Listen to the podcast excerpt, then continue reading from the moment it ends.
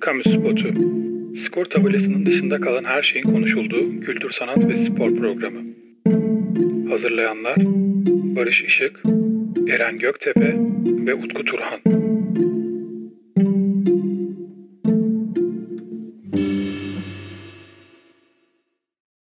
Selamlar Kamu Spotu'nun yeni bölümüne hepiniz hoş geldiniz. Efendim Utku Turhan, Barış Işık'la birlikte bildiğiniz üzere her hafta kendi kamu spotlarımızı sizlerle paylaşıyoruz. Arkadaşlar hoş geldiniz. Nasılsınız? Hoş bulduk Eren. Ben yine söze aldım, direkt atladım ama ya abi bilmiyorum ya Türkiye çok yoran bir ülke insanı. Ülkemiz üstünde çok büyük oyunlar oynanıyor. Çete lideri çıkıyor, açıklamalar yapıyor. Türkiye gibi koskocaman bir ülkenin değerli İçişleri Bakanı'na ağza alınmayacak şeyler söylüyor. Ya üzüyor yani beni böyle şeyler. Şimdi burada tekrar etmek istemiyorum o kelimeleri ama yani ben Süleyman Soylu'nun bu lafları hak etmediğini düşünüyorum. Kendisi çok değerli bir bakan bence. O yüzden birazcık moralim bozuk benim. Ama bilmiyorum umarım belki Barış iyidir. Barış abi sen nasılsın? İyisindir umarım. Bu gelişmeler senin de canını sıkıyor mu yoksa? Ya şimdi ben şöyle söyleyeyim orada biraz geride kaldım.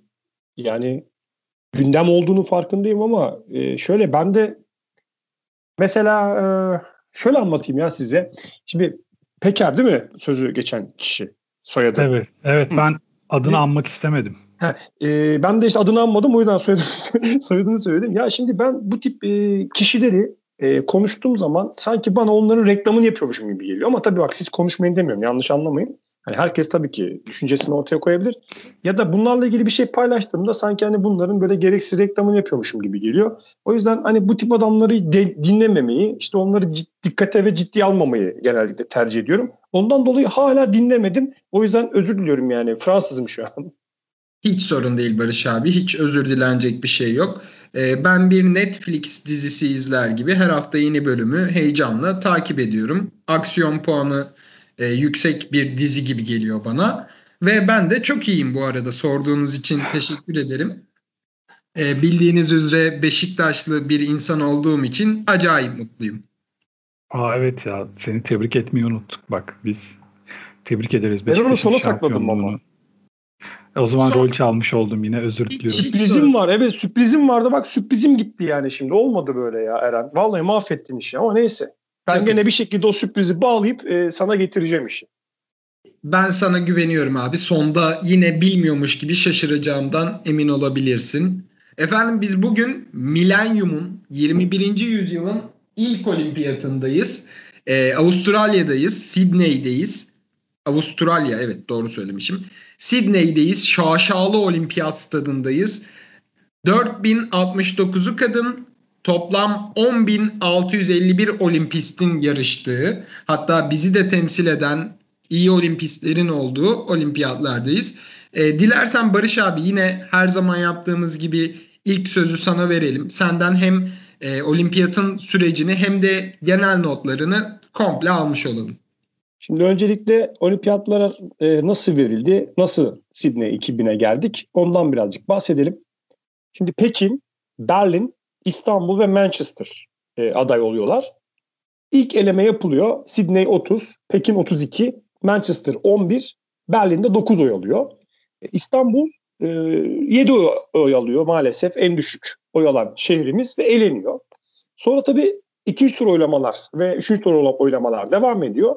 Pekin tamamında önde gidiyor. Artık en son tur oylaması yapıldığında hani elenen illere oy verenler bu sefer e, tekrar hani diğer illere oy verince bu sefer bir anda Sydney Pekin'in önüne geçiyor. 45-43. E, sadece iki oyla e, kaptırılıyor. Bunu söyleyelim. E daha sonra tabii Pekin e, yine olimpiyat yönetecek. O yüzden e, orada üzüldüler ama belki sonrasında o mutluluğu yaşayacaklar. Bunu da belirtelim.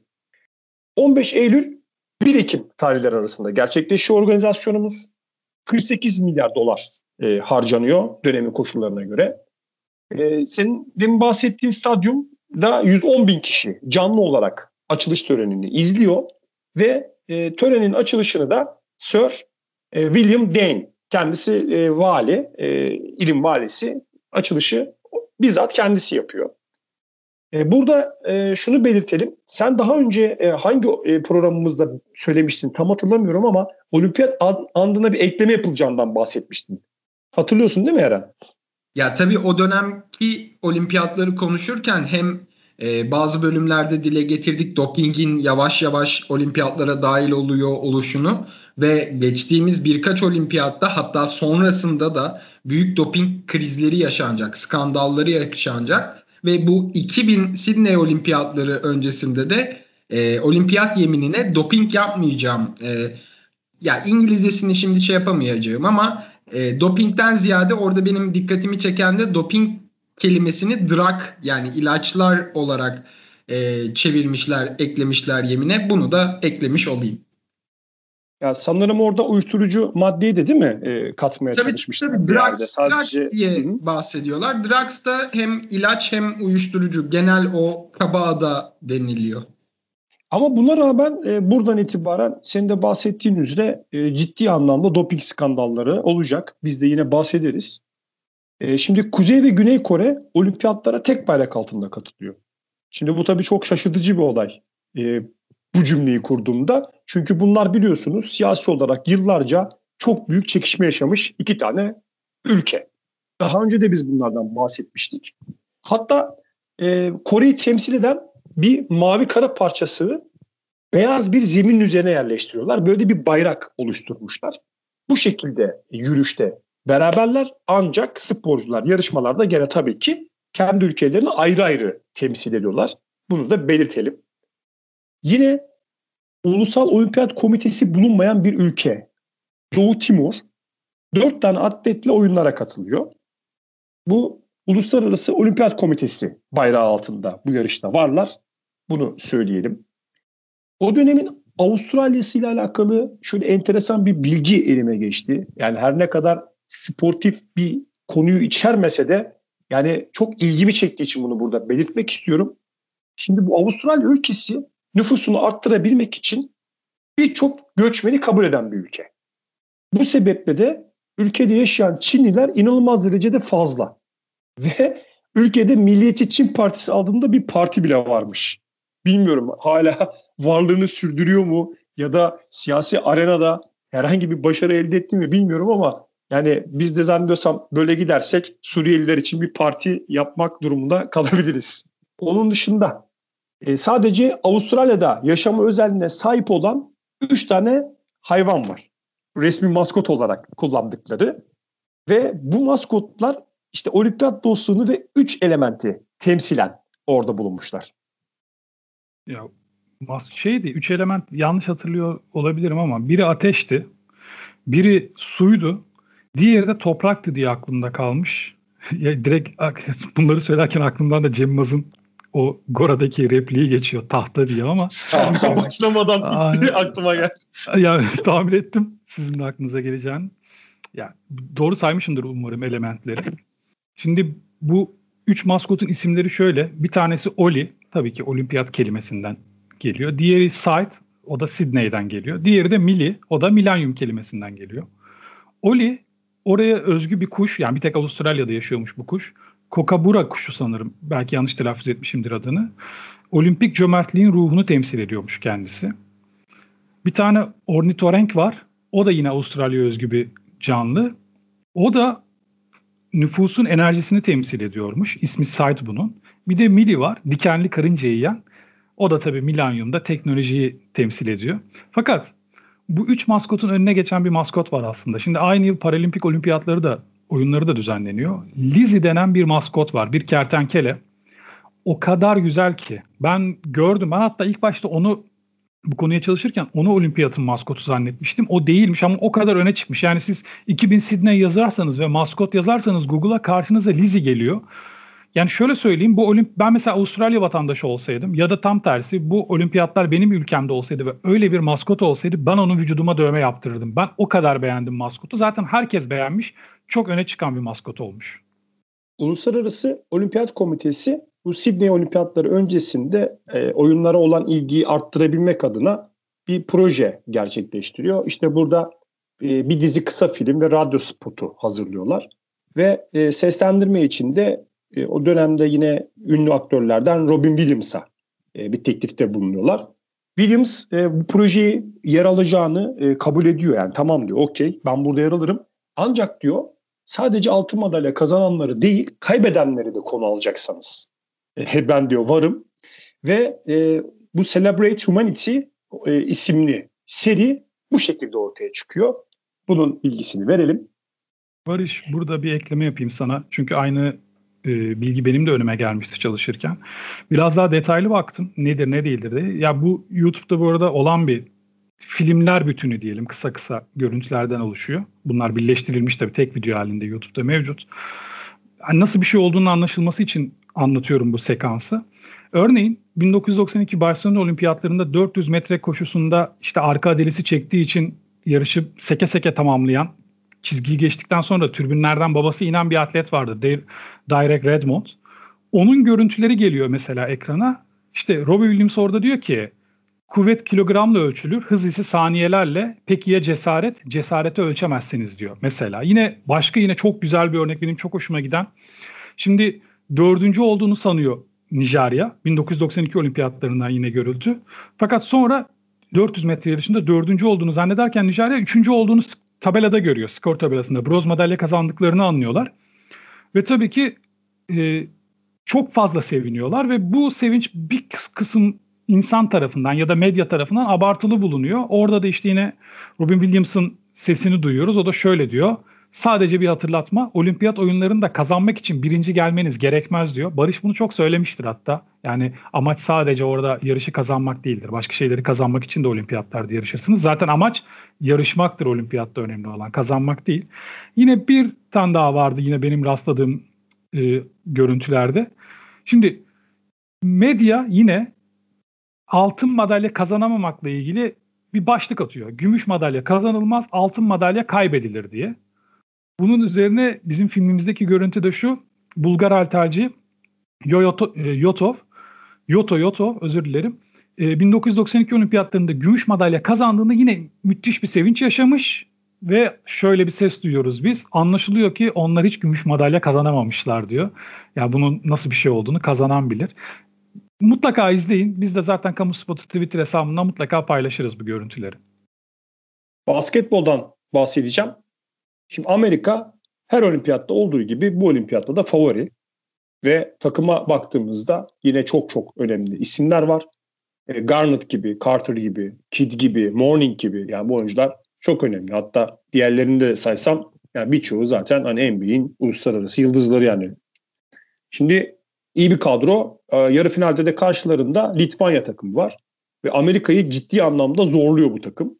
Biz e, hatta bu Dream Team'den bahsederken bu Litvanya'nın işte son saniyede atmış olduğu bu üçten ben bahsetmiştim. Ya daha doğrusu üçlük denemesinden. Yani o üçlük denemesi basket olsaydı Litvanya o olimpiyatlarda altın madalya için kendisi yer alacaktı. Ee, ama e, Amerika orada yine e, hem müsabakayı kazanıyor sonrasında da altın madalya elde ediyor. Yalnız e, Avustralya'da bütün müsabaka boyunca Litvanya'yı destekliyor insanlar. Bunun burada bilgisini verelim. E, dünyaca ünlü Rus güreşçi, daha önce kendisinden bahsetmiştik. Alexander Karelin. Şimdi kendisi dördüncü olimpiyatını almak, şey dördüncü olimpiyat altınını almak için yarışlara geliyor. E, Naim Süleyman'ın da biliyorsunuz e, böyle bir girişim var ama Naim'den şöyle bir farkı var. Ya bu spordan hiç kopmamış bir adam. Şimdi Naim Süleymanoğlu sporu bırakmıştı. E, daha sonradan işte o, o dönemin e, Olimpiyat Komite Başkanı e, hatta Barcelona taraftarı olan e, başkanı tarafından rica edilerek getirildi ama Karelin öyle değil. Ve Karelin'in şöyle bir özelliği var. Abi adam hiçbir maçını puan bile vermeden kazanan bir sporcu. Finalde de yine Amerikalı Rulon Gardner'la karşılaşıyor. Yani yere bile düşmüyor. Öyle bir çetin bir mücadele var. sadece 1-0 kaybediyor ve gümüş madalyada kalıyor. Bunun bilgisini verelim. Triatlon ve tekvando branşları ilk defa bu olimpiyatlarda oyunlara dahil oluyor. Ayrıca modern pentatlon ve halter branşında bayanlar ilk defa burada yarışıyorlar. Ülke bazında da Kolombiya ve Vietnam'ı görüyoruz. İlk kez yine müsabakalara katılan. Türkiye 3 altın ve 2 bronz madalya kazanıyor. E, ve e, burada şundan bahsedelim. Türk bayrağını olimpiyat şampiyonu işte Aslı'nın güreşçisi lakaplı Hamza Yerlikaya taşıyor ve bu seferki ceketler biraz daha iyi Utkucuğum bilmiyorum dikkat ettin mi ceketlere. E, alttaki pantolon biraz bana tuhaf geldi. yani e, ama bayanların kıyafetleri çok hoş onu söyleyeyim. Yani kadın sporcularımız var ya, iyi. Bak birebir aynısını düşünüyorum ben de kıyafetleri gördüğümde. Ben tabii açılış törenleri artık YouTube'da kayıtları full olunca bizim kendi takımımıza tabii ki daha dikkatli bakma şansımız oluyor, inceleme şansımız oluyor. Ya takım şöyle, lacivert ceket, kırmızı bir kravat, beyaz gömlek ve bej denebilir herhalde o renge. Çok aram iyi değil renklerle bir pantolon var erkeklerin üzerinde. Kadınlarda kırmızı ceket ve kırmızı beyaz böyle pembe tonlarında bir fular da var. Evet yani kadınların ben de ilk gördüğümde kadınlarınki iyiymiş dedim. Erkeklerinki de fena değil ya o sarı 96'daki sarı ceketten sonra yani ne yapsalar olurmuş zaten. Bence olmuş yani bu kez fena değil. Yani biz programı böyle biraz modaya doğru çekiyoruz ama dinleyicilerimiz umarım bizi yanlış anlamazlar. Ama dediğin gibi sarıdan sonra bana da lacivert ceket harika geldi. Ya aslında bizim modaya olan bu takibimiz dinleyicilerimiz arasında da gayet e, konuşulup espriler yapılıyor. Ne mutlu o zaman ne mutlu. Bak bak modaya yön verdiğimizi bilmiyordum arkadaşlar. Harika. Ee, şimdi e, kazanmış olduğumuz altın madalyalardan e, baktığımızda güreşte Hamza Yerlikaya, judoda Hüseyin Özkan, halterde de Halil Mutlu e, altın madalya kazanıyor. Bronz madalyalarda da tekvandoda Hamide Bıçkın, güreşte de Adem Bereket'le kazanıyoruz. Şimdi burada ön plana çıkan bir sporcu var. Yani biz aslında kendisinden daha önceki programlarda sıklıkla bahsettik. Utku da yani çok konuştu. Ben de hep aktardım ama biraz daha geniş konuşuruz bu programda. Demiştik bir öncesinde kendisi yine e, Bulgaristan'daki işte o dönemin asimilasyon ve baskısından kaçarak ülkemize gelen, daha doğrusu iltica eden bir isim Halil Mutlu. E, 10 yaşında e, spora başlıyor. Öğretmenlerinin yönlendirmesiyle başlıyor. E, ancak halter branşıyla uğraşırken tabii Halil ismini kullanıyor. Bu isim de kendisine dedesinden kalmış. E, ama Bulgar yönetimi kesinlikle tamam o ismi kullanmamasını ve bu şekilde e, spor yapmamasını e, söylüyor. Yani yapamayacağını söylüyor. O da halteri bırakmak zorunda kalıyor. 89'da Türkiye sınırlarını açıyor ve e, dediğim gibi Halil Mutlu geliyor ve geldiğinde henüz 16 yaşında. Ve onun hayattaki o dönemki hedefi şu, halterde başarılı olacak ve ailesini yanına alacak. E, Naim abisi o zamanlar biliyorsunuz e, dünyada isim yapmış bir sporcu ve e, onun gibi olmak, e, onun yaptığı başarılara ulaşmak istiyor. Aslında örnek aldığı birçok sporcu var. Sadece Naim Süleymanoğlu değil. O dönemin Rus ve Roman haltercilerini de örnek alıyor. Ama rakip anlamında rakipsiz. Yani profesyonel spora başlıyor. Mesela bu bir önceki oyunlarda bu Leonidis ile Naim'in çekişmesinden bahsettik ya rekabetinden. Böyle bir rekabet asla yaşamıyor. İşte Ivanov diye bir e, yine halterci var. Ya o bir istisna olarak görüyorum çünkü e, o zaten olimpiyat şampiyonu bir sporcu.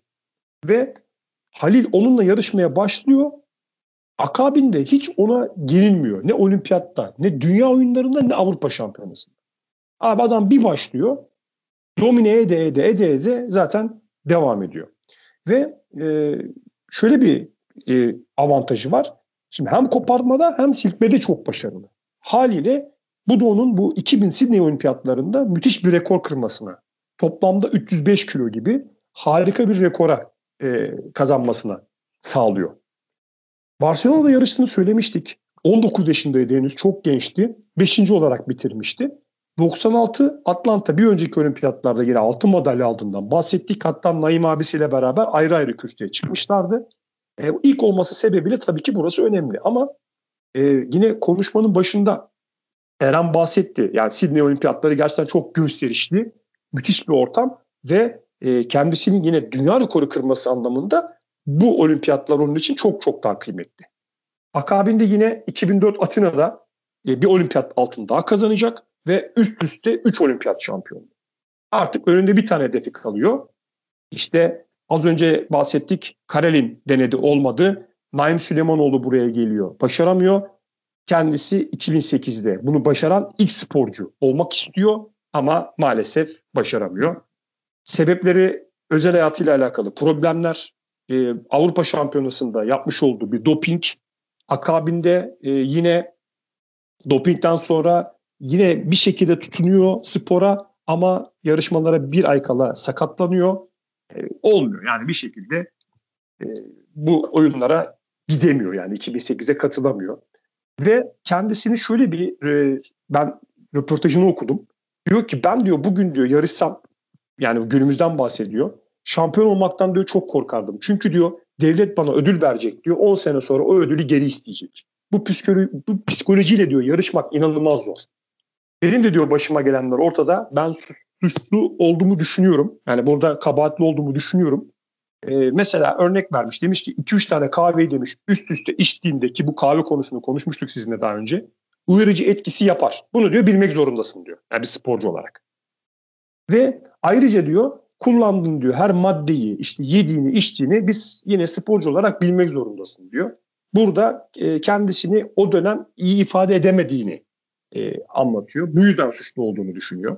Aslında e, kabahatli olmadığını ama iyi ifade edemediği için kendini şu anda suçu o, o dönem kendinde buluyor. E, halter salonlarını ibadet yeri olarak görüyor. Yani onun dünyasında o şekilde bir e, yeri var. Ve e, şeyden sonra antrenörlük yapmayı hiç düşünmüyor ama genç sporcularla hep böyle onlarla birlikte çalışmaktan ve onlara yardım etmekten çok hoşlanıyor. Onun asıl hedefi federasyon başkanı olmak.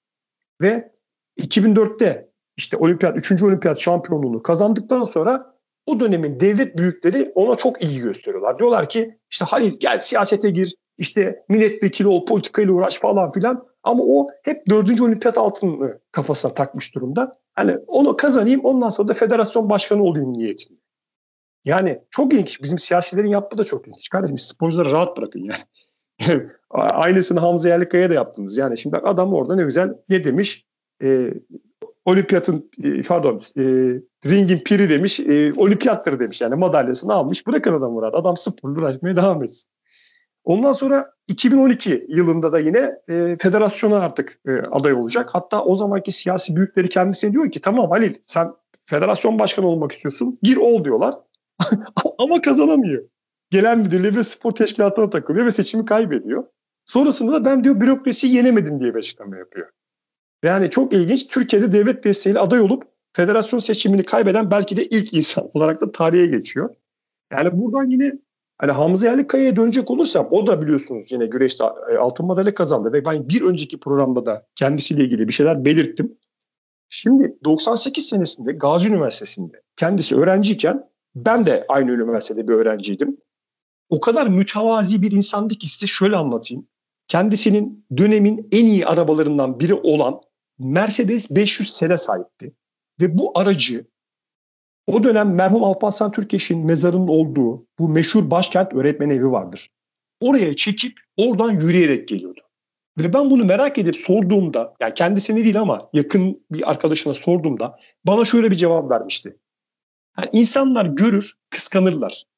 Hani bu kadar mütevazi bir çocuk.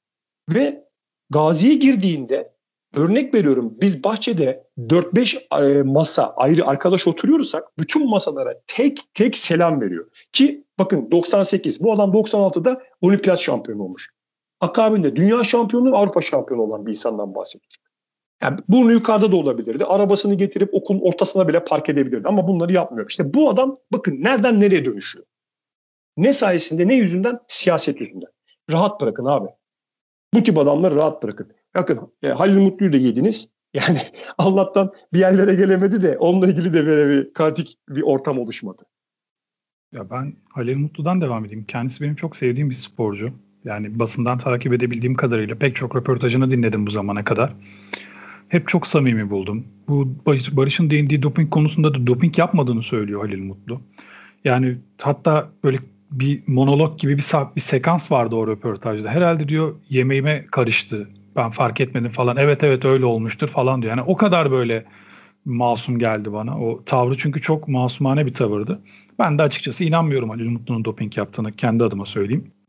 Onun röportajını ben okurken şöyle bir şey denk gelmiştim. Hani bu spora nasıl başladığını soruyorlar. İşte ona büyüklerinden bir tanesi adam antrenör zaten.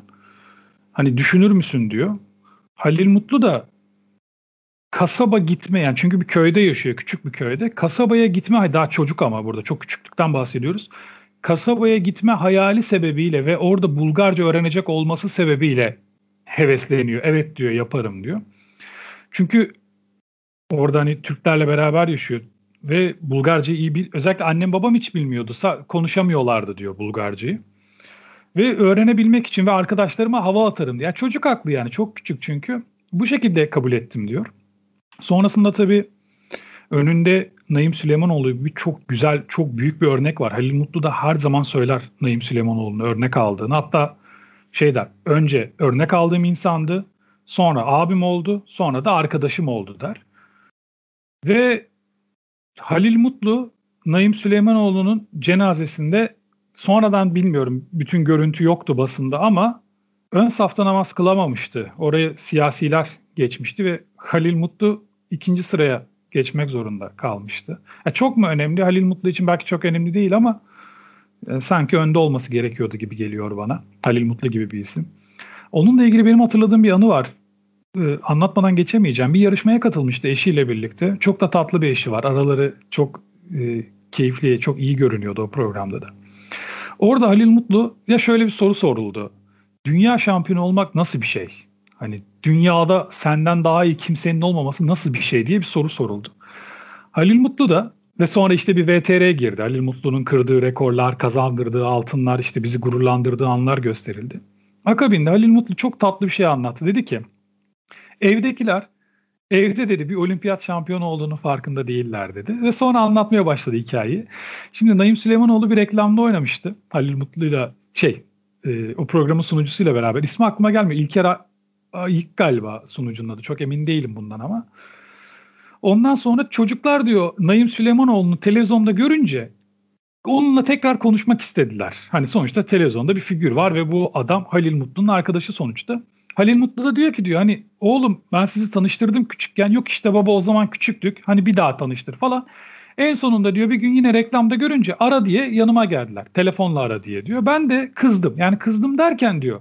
Yani oğlum bakın dedim diyor. Yani Naim abiniz çok büyük sporcu. Üç defa olimpiyat şampiyonu olmuş, dünya şampiyonu olmuş, rekorlar kırmış. Çok büyük sporcu. Ama dedim diyor o adamdan bir tane de bu evde var dedim diyor. Ve kendi anlat, anlattım diyor. Bu anlattığım hikaye 3. olimpiyat altınından da sonra. Yani Naim Süleymanoğlu ne başarmışsa Ali Mutlu da başarmış. İşte anlattım kendimi diyor ama diyor bana gelince baba su getir. baba şurayı temizle. Evde diyor sadece babasın. Hani şampiyon olmanın hiçbir önemi yok diyor. Çok hoşuma giden bir hikayesiydi bu da. Barış aslında benim aklımdan geçen cümleyi söyledi. İyi ki olmamış yani Halil Mutlu ki iyi ki biz onu böyle anıyoruz. Yoksa Hamza Yerlikaya gibi de alınabilirdi. Naim Süleymanoğlu da yine siyasete ama kendi isteğiyle ama etrafındakilerin yönlendirilmesiyle bir bulaştı ama o da seçilememişti. Şöyle anlayabiliyorum birazcık düşününce aslında o psikolojiyi. Ya alanında en iyisin, en büyüksün. Dünyada o alanda teksin. Spor hayatından sonra düştüğün düştüğün durumla derken zirvede olmamakla baş etmek çok kolay bir şey değil. Bunu pek çok sporcu da yaşıyor. Ben hep kendime şunu sormuşumdur, arkadaşlarımla konuşmuşumdur. Ya Michael Jordan tüm zamanların gördüğü en büyük basketbolcu neden mesela her yani bu adamın yeteri kadar parası var. Hiçbir şeye ihtiyacı yokken gidip takım satın alıyor. Dördüncü defa basketbola 40 yaşında bir daha dönüyor. Neden diye soruyorsun. Ama benim cevabım o. Yani bu adamlar zirvede olmaya, alkış sesine alışkın adamlar ve bunu yitirmek yani alıştığım bir şeyi yitirmek hayatta bence çok zordur. Zor bir durumdur. Onunla baş edebilmek çok kolay bir şey değil bence. E, Halil Mutlu konusunu uzattık ama iyi oldu uzattığımız. Çünkü Halil Mutlu uğruna uzun uzun konuşmayı gerektiren bir adam bence. Ama şimdi ben Halil Mutlu'dan tekrar birazcık olimpiyatlara dönüp bir iki not vermek istiyorum. Ama öncesinde Eren'in bir sesini duyayım ya. Eren'in sesini özledim. Normalde Eren bana paslardı. Utku senden de olimpiyat notlarını alalım diye. Ya şöyle ben sizi keyifle dinledim. Zaten bu programın benim hayatımdaki en büyük ayrıcalığı sizleri herkesten önce dinleyebilmek. Halil Mutlu ile ilgili de şunları söyleyebilirim. Yani siz çok iyi e, birçok konudan, birçok hikayeden bahsettiniz. Ben de yarattığı yerinden bahsedebilirim. Ya inanılmaz sempatik geliyordu bana o çocuk aklımda. Çünkü çok güleç, çok güzel bir suratı var. Bir de e, bildiğiniz üzere halterciler çok e, uzun boylu insanlar değildir Utku'nun Utku'ya nazaran. O yüzden de bir ayrı bir sempatik geliyordu bana Halil Mutlu. E, buradan da senin de dediğin gibi Utku senin olimpiyat notlarını alalım. Sana da pası verip gönlünü almış olayım. Ya güzel notlarım var çünkü gerçekten. Şuradan başlayalım. Şimdi siz ikiniz konuşurken bahsettiniz. Hani olimpiyat yeminine doping yapmayacağım cümlesi de ekleniyor yemine. Ama pek bir işe yaramamış bu yemin. Çünkü çok ciddi doping skandalları var bu olimpiyatlarda. Önce oradan başlamak istedim ben. Amerikalı atlet Marion Jones 3 altın 2 bronz madalya kazanıyor. 2007'de dopingli olduğu ortaya çıkınca kendi mi itiraf etmişti yoksa ortaya mı çıkmıştı bunu çok hatırlamıyorum ama madalyaları geri alınıyor. Lance Armstrong ismi doping konusunda herhalde dünyada en sansasyonel isimlerden bir tanesidir. Ee, ben onun kitabını okumuştum. Ergenken yaşama çevrilen pedal ismiyle. Çünkü kendisi kanseri yenip bisiklet gibi zor bir spora dönüp ki bisiklet çok zor bir spordur. O spora dönüp tekrar zirveye çıkmıştı. Bu olimpiyatlarda da madalyası var. Altın değil ama takım halinde sanırım aldıkları bir bronz madalya var. Ama 2013 yılında doping yaptığı ortaya çıkıyor ve kendi itiraf ediyor zaten. Bu madalyayı da geri vermek zorunda kalıyor diye biliyorum. Çünkü onun kanser hikayesi 96 öncesiydi. 96'dan sonra işte tekrar spora dönüyor ama o süreçte dopingli olduğu, doping yaptığı ortaya çıkıyor. Lance Armstrong'un hikayesi hatta şöyle. Sadece kendi doping yapmıyor takım arkadaşlarını da doping yapmaya zorluyor. Çünkü bisiklet ekip halinde başarı kazanabileceğiniz bir spor. Ee, sadece kendi yapmıyor yani. Bir de etrafındaki insanları buna zorluyor. Hatta o şekilde itirafçılar sayesinde sanırım doping yaptığı ortaya çıkıyordu kendisinin. Yine e, bir bayrak yarışında Amerikan takımında sanırım bir sporcu da sadece dopingli olduğu ortaya çıkıyor. Fakat işte burada şöyle bir trajedi var. Bu doping hikayeleri o kadar geç ortaya çıkıyor ve mahkeme süreçleri o kadar uzuyor ki yani sadece Türkiye'de uzamıyormuş demek ki mahkemeler. Ben de bu olaydan bunu öğrenmiş oldum. O kadar uzuyor ki süreç 2012 yılında Olimpiyat Komitesi için 2007 yılında diyorlar ki sadece doping yapan sporcudan alacağız. Bayrak takımından alacağız madalyayı. Yani bayrak takımının dopingli sporcusunun madalyasını geri istiyorlar 2007'de. 2012'de Olimpiyat Komitesi bütün takımın madalyalarını geri vermesine karar veriyor ve birinciliği Nijerya'ya verecekler takım halinde. Fakat o sırada Nijerya takımından bir sporcu çoktan vefat etmiş. Ya yani adam madalyayı göremiyor yani maalesef. Bu e, doping skandallarının haricinde bir tane de olimpiyatın kendi skandalı var. Aslında Sydney olimpiyatları gayet iyi bir olimpiyat. Hatta olimpiyatların o dönemki işte olimpiyat komitesi başkanı e, olimpiyatlardan sonra yaptığı açıklamada konuşmasında diyor ki siz bu zamana kadar ki en iyi olimpiyatı yaptınız diyor. Gerçekten görkemli, güzel hazırlanılmış bir olimpiyat. Fakat şöyle bir skandal oluyor. Şimdi jimnastik dalında e, şey var, o bir alet var. Şu an ismini hatırlayamıyorum. O normalden olması gereken atlama masası diye geçiyor. Atlama beygiri de deniyor. Kulplu beygirdir o. Kulplu beygir galiba ama çok emin değilim. Çok bildiğim bir alan olmadığı için şimdi kulplu beygirle atlama beygiri aynı şey mi farklı şey mi gerçekten bilmiyorum. 18 tane kadın sporcu yarıştıktan sonra onun olması gerekenden 5 santim yüksek olduğu ortaya çıkıyor. Yani büyük skandal bence ki söylenenlere göre sporcular uyarmışlar. Bu burada bir hata var diye ama çok da dikkate almamış kimse. Sonradan ortaya çıkmış. Böyle bir skandal da var. Ee, bunun haricinde birazcık şimdi olimpiyatların öncesine gitmek istiyorum. Ben yine birazcık tatsız bir konuya gireceğiz ama şimdi 199 tane ülke katılıyor. Hatta işte Barış söyledi bir tane de ülke dışından 4 sporcu katılıyor. Onlar olimpiyat bayrağıyla yarışıyorlar. Fakat olimpiyat üyesi ülkelerden bir tanesi burada temsil edilmiyor. O da Afganistan 2000 yılında. Neden? Çünkü Afganistan'da Taliban rejimi var ve Taliban rejimi spor müsabakalarının tamamını yasaklamış durumda. Sadece yasaklar sporla sınırlı kalsa iyi. O dönem kız çocuklarının okula gitmesi yasak. Kızların kapalı olması zaten o kesin de peçe takmaları da gerekiyor. Erkek erkeklerin sakallarını kesmesi yasak. O dönemin Afganistan'ından bahsediyorum. Şimdi insan tabii şunu merak ediyor. Ya bir insan böyle şeyleri nasıl kabul eder? Çünkü bunların çok normal şeyler değil ama Taliban ilk çıktığında böyle çıkmıyor. İlk çıktığında Afganistan zaten fakir bir ülke ve fakir ülkelerde illegal olaylar her zaman fazla olur. Yani şimdi siz Türkiye'de tabii bunu anlayamanız mümkün değil. Türkiye çok güçlü bir ülke olduğu için Türkiye'de hani böyle illegal olay falan pek olmadığı için anlamazsınız bunu ama yolsuzluk falan geri kalmış ülkelerde böyle şeyler çok olur ne yazık ki. Fakat Taliban tabii ki şer'i hükümlerle e, bu yolsuzlukların üstüne gitmeye başlıyor. Önce küçük bir bölgede etkililer. Sonra arkalarında Afganistan'ın güneydoğu komşusu olan Pakistan'ın çok ciddi desteğini alarak güçlenmeye başlıyorlar yavaş yavaş. Ve aslında halktan da destek buluyorlar fazlasıyla. Çünkü e, zaten ben o sırada Afgan hükümetinin de çok böyle din karşıtı olabileceğine ihtimal vermiyorum. %99'unun Müslüman olduğu bir ülkede ama e, bu adamlar gerçek İslam'ı uygulayacakları vaadiyle güç kazanmaya başlıyorlar. Ve evet gerçekten kendi güçlü oldukları alanlarda yolsuzlukların falan da üstüne gidiyorlar. Yani ilk dönemleri hiç fena değil. Tıpkı Hitler Almanyası gibi. Hitler de ilk iktidara geldiğinde inanılmaz ondan öncesinde çok müthiş bir enflasyon falan vardı Almanya'da. Hitler'le beraber gerçekten bir atılım gerçekleştirdi Almanya. Hatta şöyle düşünün Birinci Dünya Savaşı'ndan en büyük yıkımı yaşamış ülke, birçok ülkeye borçlanmış olarak çıkan Almanya, İkinci Dünya Savaşı'nın başlarında birçok ülkeye üstünlük kurmayı başarmıştı. Ya orada bir başarı var o anlamda düşündüğün zaman. Yani bir atılım gerçekleşmiş. Dolayısıyla da ilk başta Hitler gayet sevilen, Nazi Partisi gayet sevilen bir partiydi. Afganistan'da da böyle oluyor. Taliban ilk başta gerçekten yavaş yavaş ha, desteğini büyüte büyüte geliyor ama sonrasında bambaşka bir hale bürünüyor. Ta ki Amerika oraya girene kadar. Bu Usama Bin Laden hikayesini genç kardeşlerimiz bilir mi bilmiyorum ama yaşı bana yakın olanların hepsinin çok iyi bildiği bir isimdir. İşte bu Amerika'daki ikiz kulelere saldırı sonrası işte bundan Usama Bin Laden'in sorumlu tutulması, Amerika'nın onun peşine gitmesi falan filan derken 2001 yılında Af- e, Taliban'ın Afganistan'daki hakimiyeti son buluyor. E, sonrasında tekrar ya şu an çok iyi bilmiyorum hani Afganistan'ın iç durumunu, siyasi yapısını ama hani tamamen Taliban ortadan kalktı, yok oldu diye bir şey yoktu diye biliyorum ama işte detaylı bakmadım açıkçası onu söyleyeyim ama 2001 yılına kadar işte 96 ile 2001 arasında Afganistan'da bütün spor müsabakaları yasak, kız çocukların okula gitmesi yasak, kızların gözlerinden başka vücutların herhangi bir yerinin görünmesi yasak, erkeklerin sakallarını kesmesi yasak vesaire vesaire.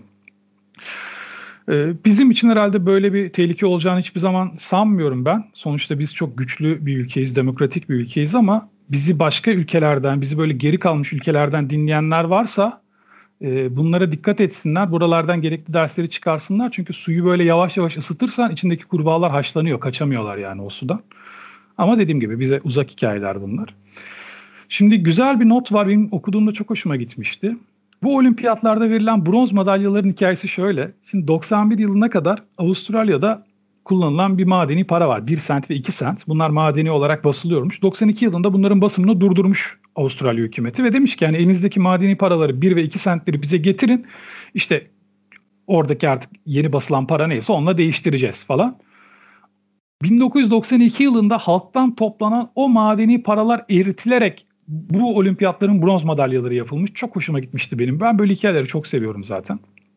Burada bizde de yakın zaman önce yazısı yayınlanan bir atlet var. Katie Freeman. Kendisi bir aborijin.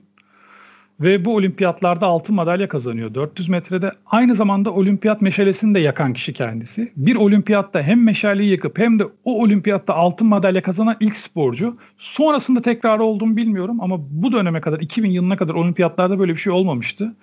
Tabii Cat Freeman'ın aborjin hikayesi şimdi orada çok detaya girmek istemiyorum. Çok bildiğim konular değil ama Plese dergideki yazıyı okumanızı tavsiye ederim. Cat Freeman'ın kendisini anlatan ve başlangıçta aborjinlere de değiniyor. Onların tarihine de değiniyor. Aborjin dediğim de bu Avustralya yerleri.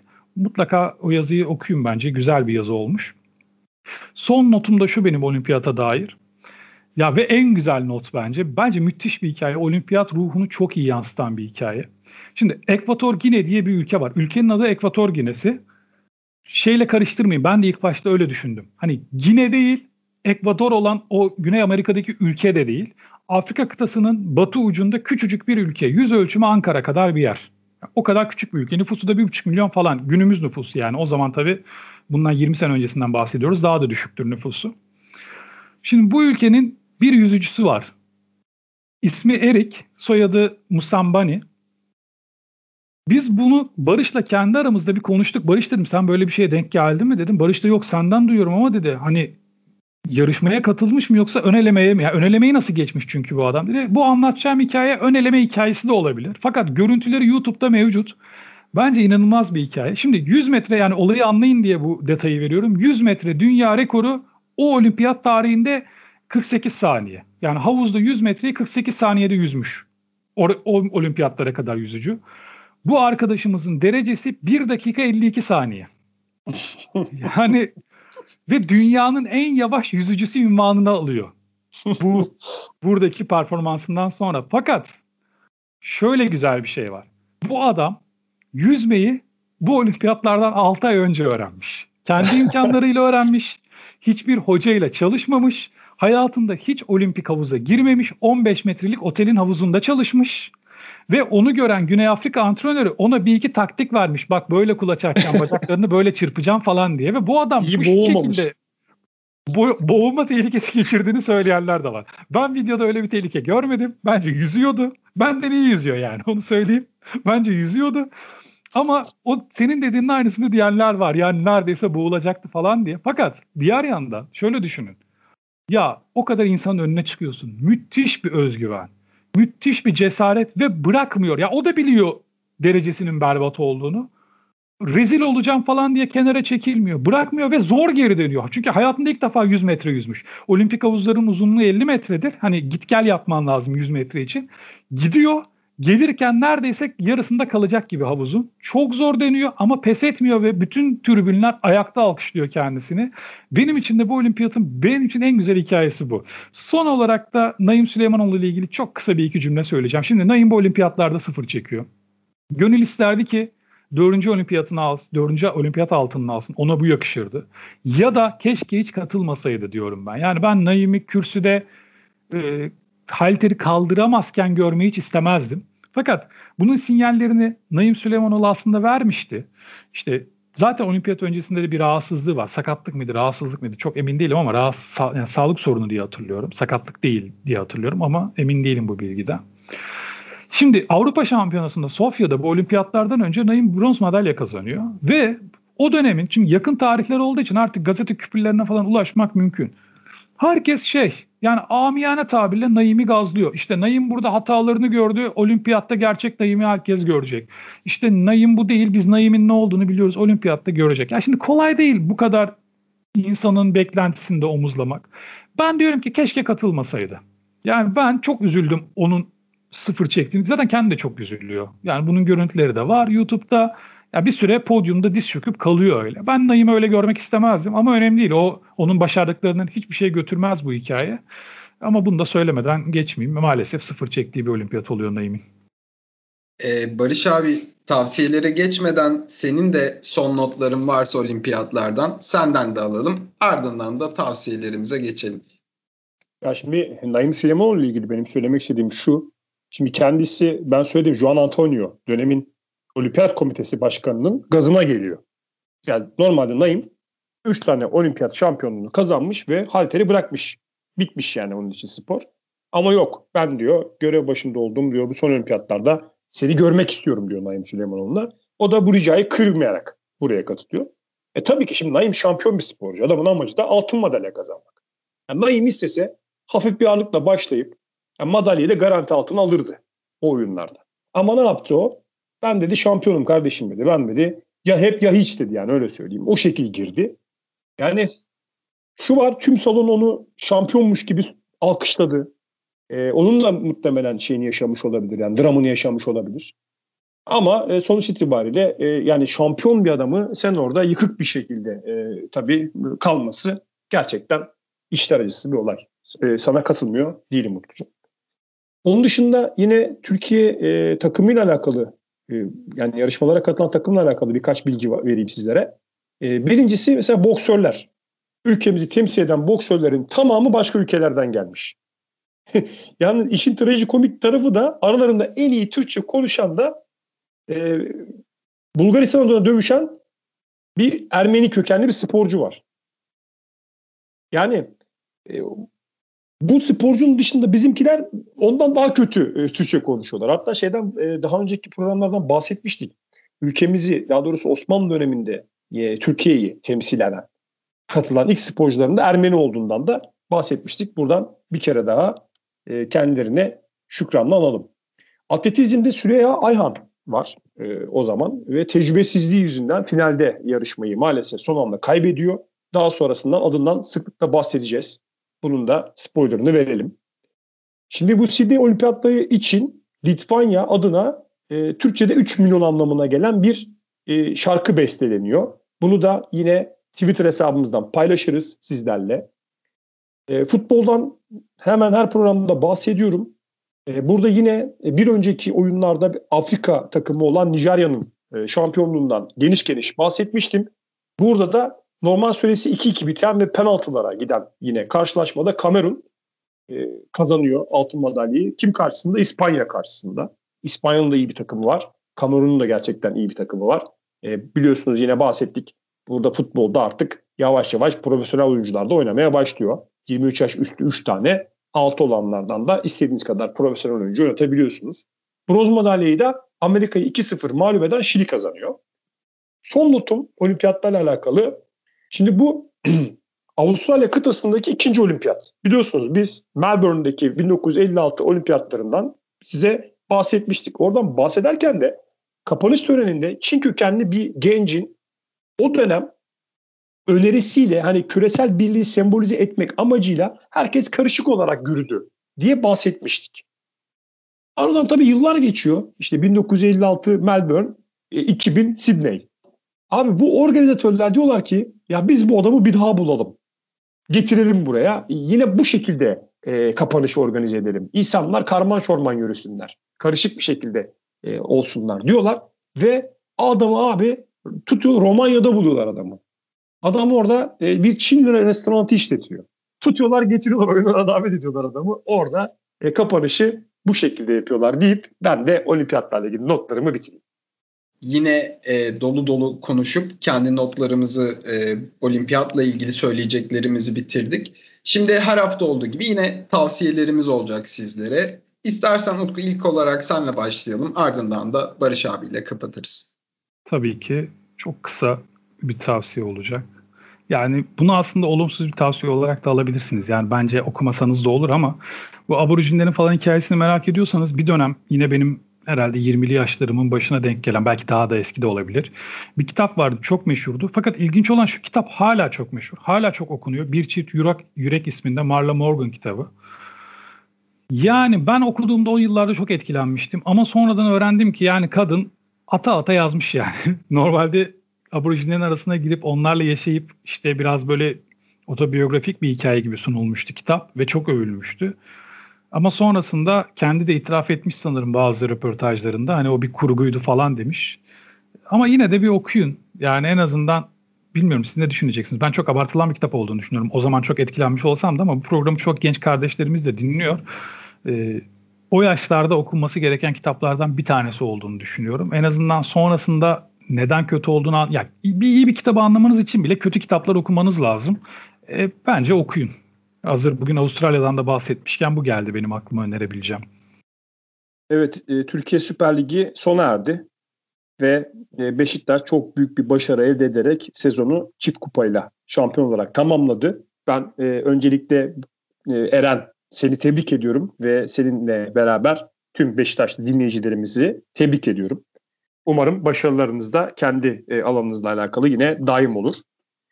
E, ben Zonguldak Spor taraftarı olduğum için maalesef e, bu şampiyonluk kutlamalarına e, hiçbir zaman olduğu gibi yine bugün de katılamıyorum. E, sizlerin mutluluğuyla sevineceğim artık. Önerilerimi de bu doğrultuda yapmak istiyorum.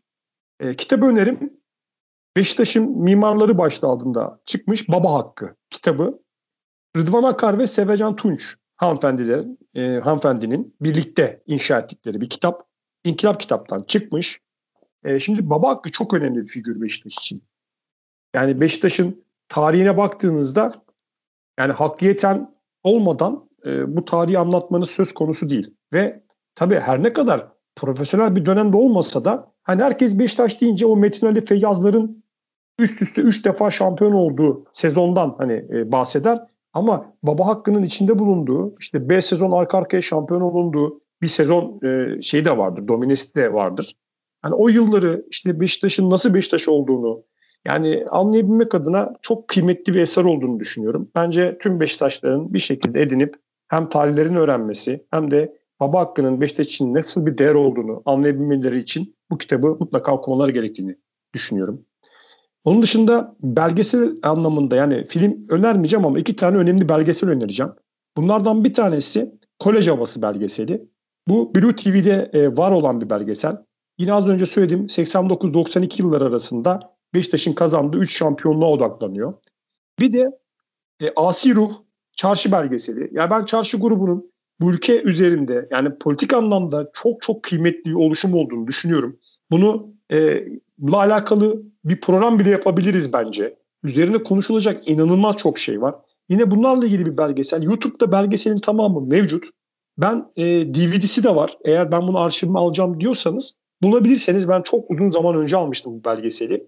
Artık 10 senenin üzerindedir diye tahmin ediyorum. E, bulabilirseniz bunu da arşivinize katabilirsiniz. E, hazır Beşiktaş şampiyon olmuşken bu 3 tane kıymetli eseri ben de buradan sizlere önermiş oldum. Konularımızı sona erdirdik. Kendi kamu spotlarımızı 2000'den Sydney olimpiyatlardan, olimpiyatlarından sizlere aktarmaya çalıştık. Haftaya yine burada olacağız. Bu sefer 2004 olimpiyatlarına uzanacağız. Kendinize iyi bakın diyoruz. Bileseyle kalın.